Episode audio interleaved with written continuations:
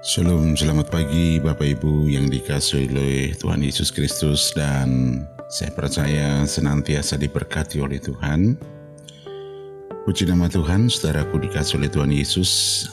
Biarlah di bulan yang baru ini kita akan bersama-sama tetap terus belajar kebenaran firman Tuhan. Dan mungkin saudara ada merasa bosan, merasa jenuh, merasa ya hanya sekedar untuk mendengarkan uh, renungan pagi. Setelah dikasih oleh Tuhan Yesus Kristus, apa yang kita dengar ini adalah sungguh semuanya kebenaran firman Tuhan.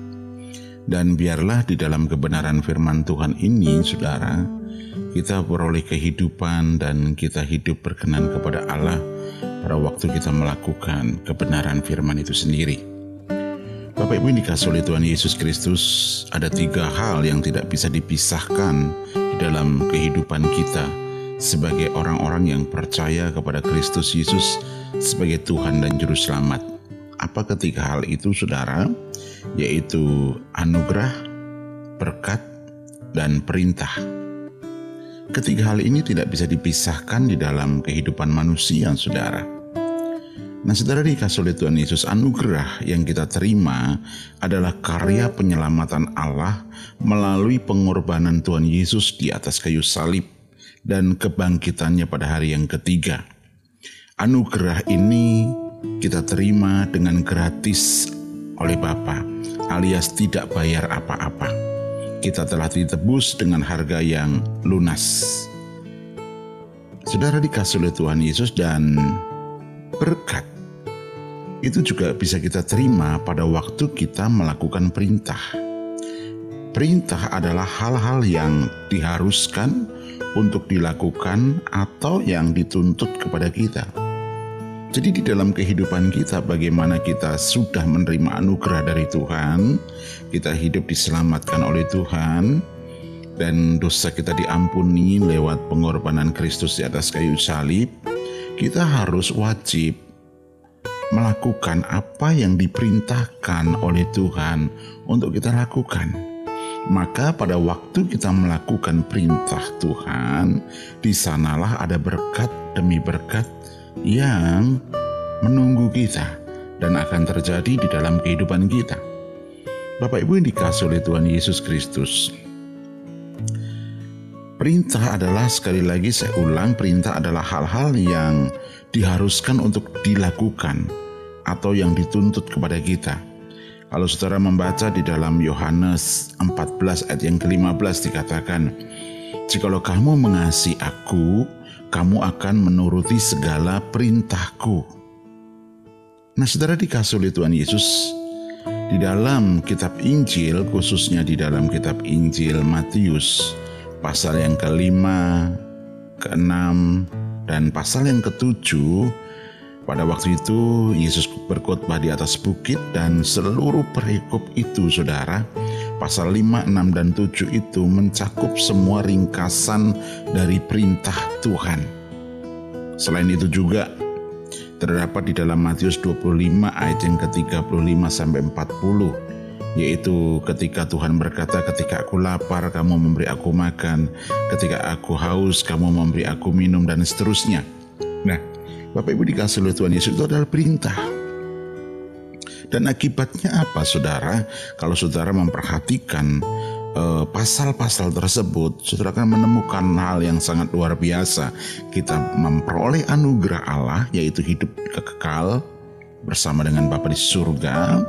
Dan yang kedua, kita menerima berkat selama kita ada di muka bumi ini. Saudara gue dikasih oleh Tuhan Yesus perintah harus dilakukan dengan seluruh jiwa raga kita.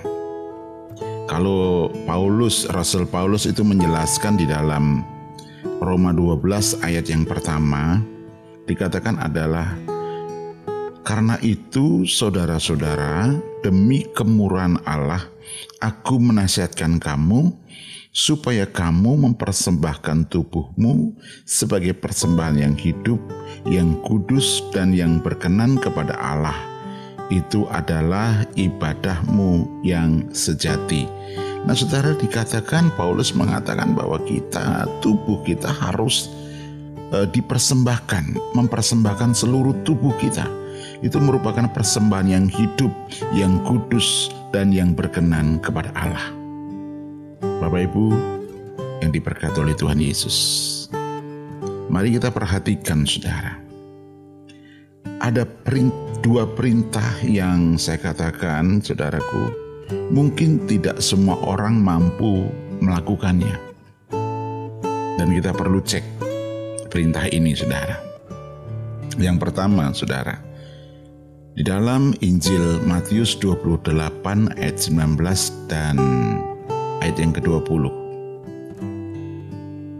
Dikatakan, karena itu pergilah, jadikanlah semua bangsa muridku, dan baptislah mereka dalam nama Bapa dan Anak dan Roh Kudus.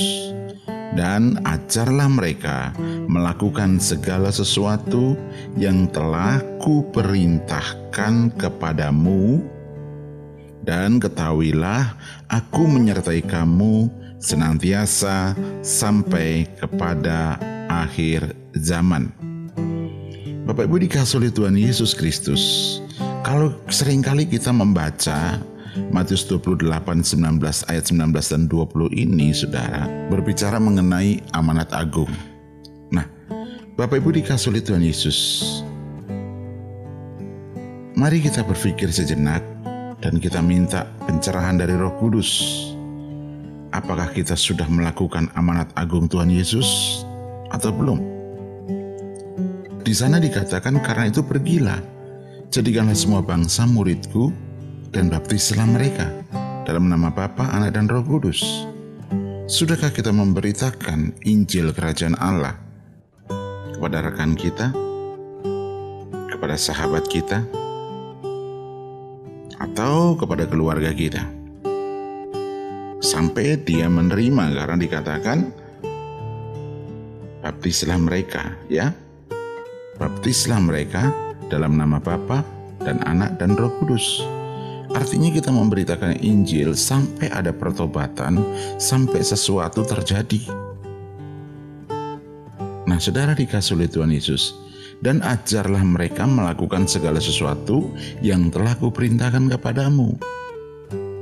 Kita perlu juga mengajar kepada mereka bahwa keselamatan itu hanya di dalam nama Tuhan Yesus di bawah kolong langit ini tidak ada seorang pun yang dapat menyelamatkan selain Dia, yaitu Tuhan Yesus Kristus.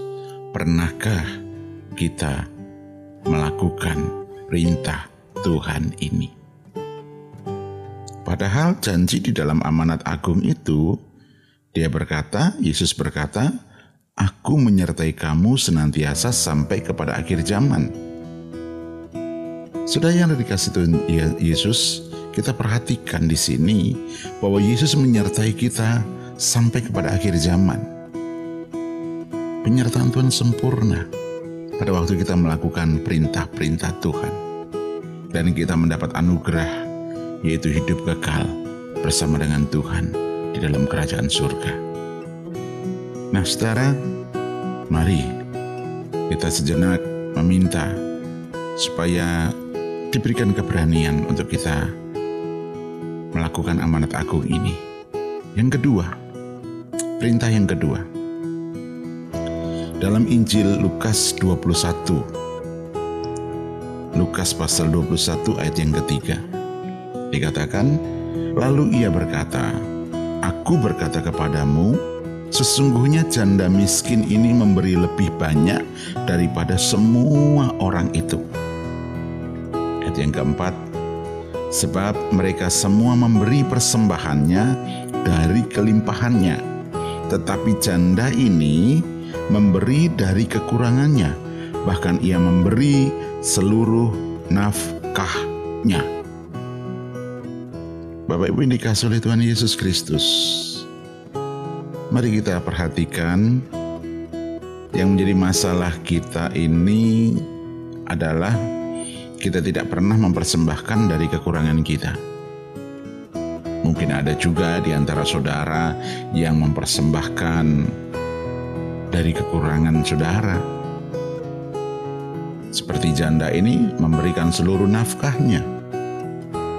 Saudara yang dikasih oleh Tuhan Yesus, saya mengingat pengalaman ini kira-kira tahun 2005 saat kita merenovasi gereja di di mana pada waktu itu saudara uang sudah habis dan kami tidak punya apa-apa saudara.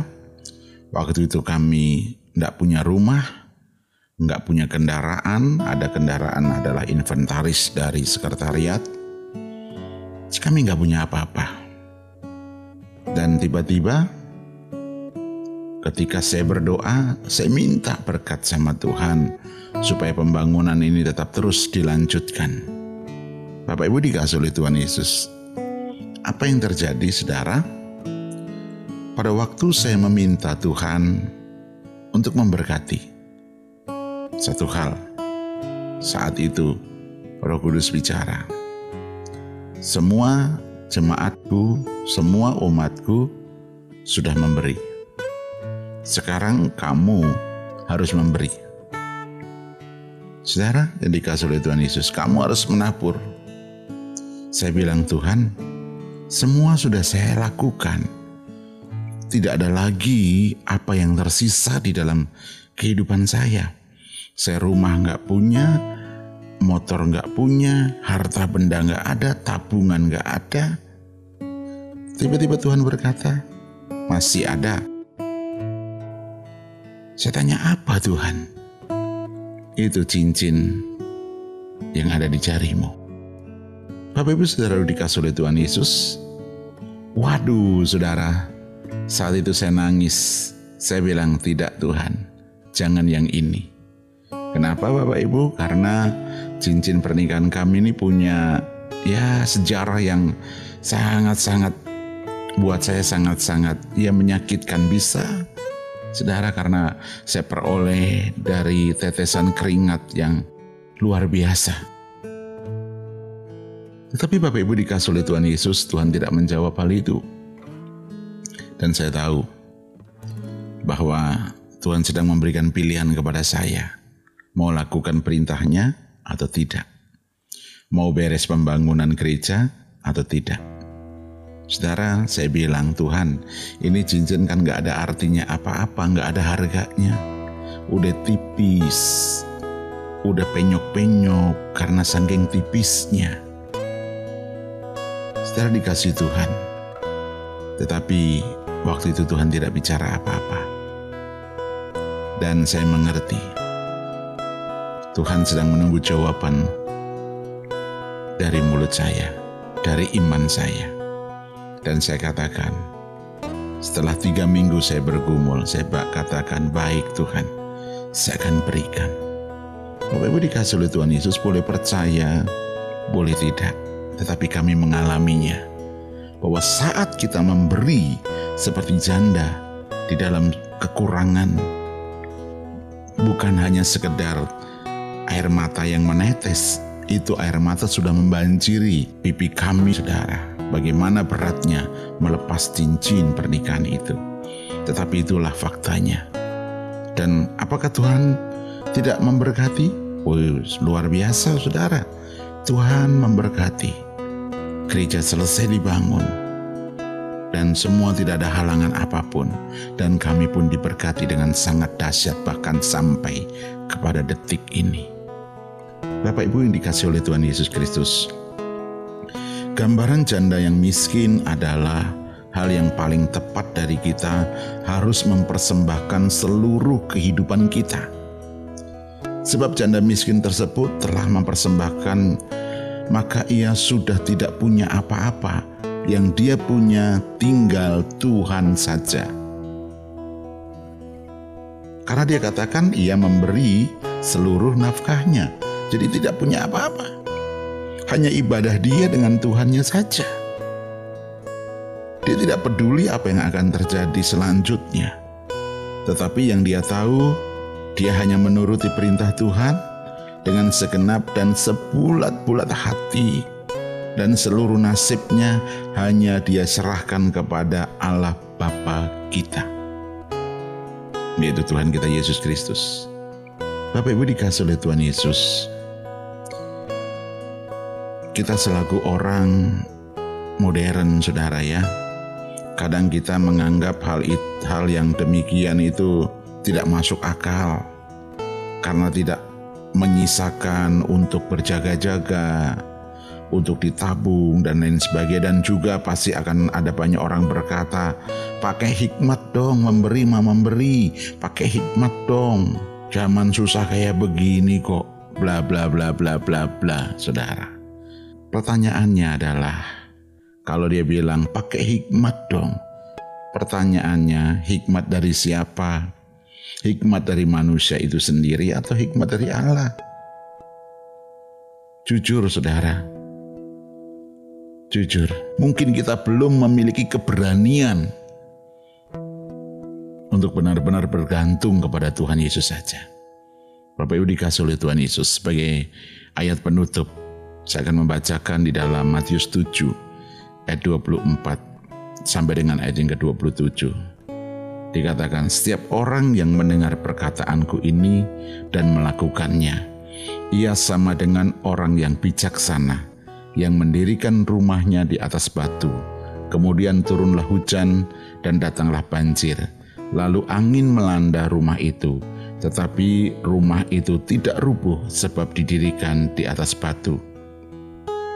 Perhatikan ayat berikutnya.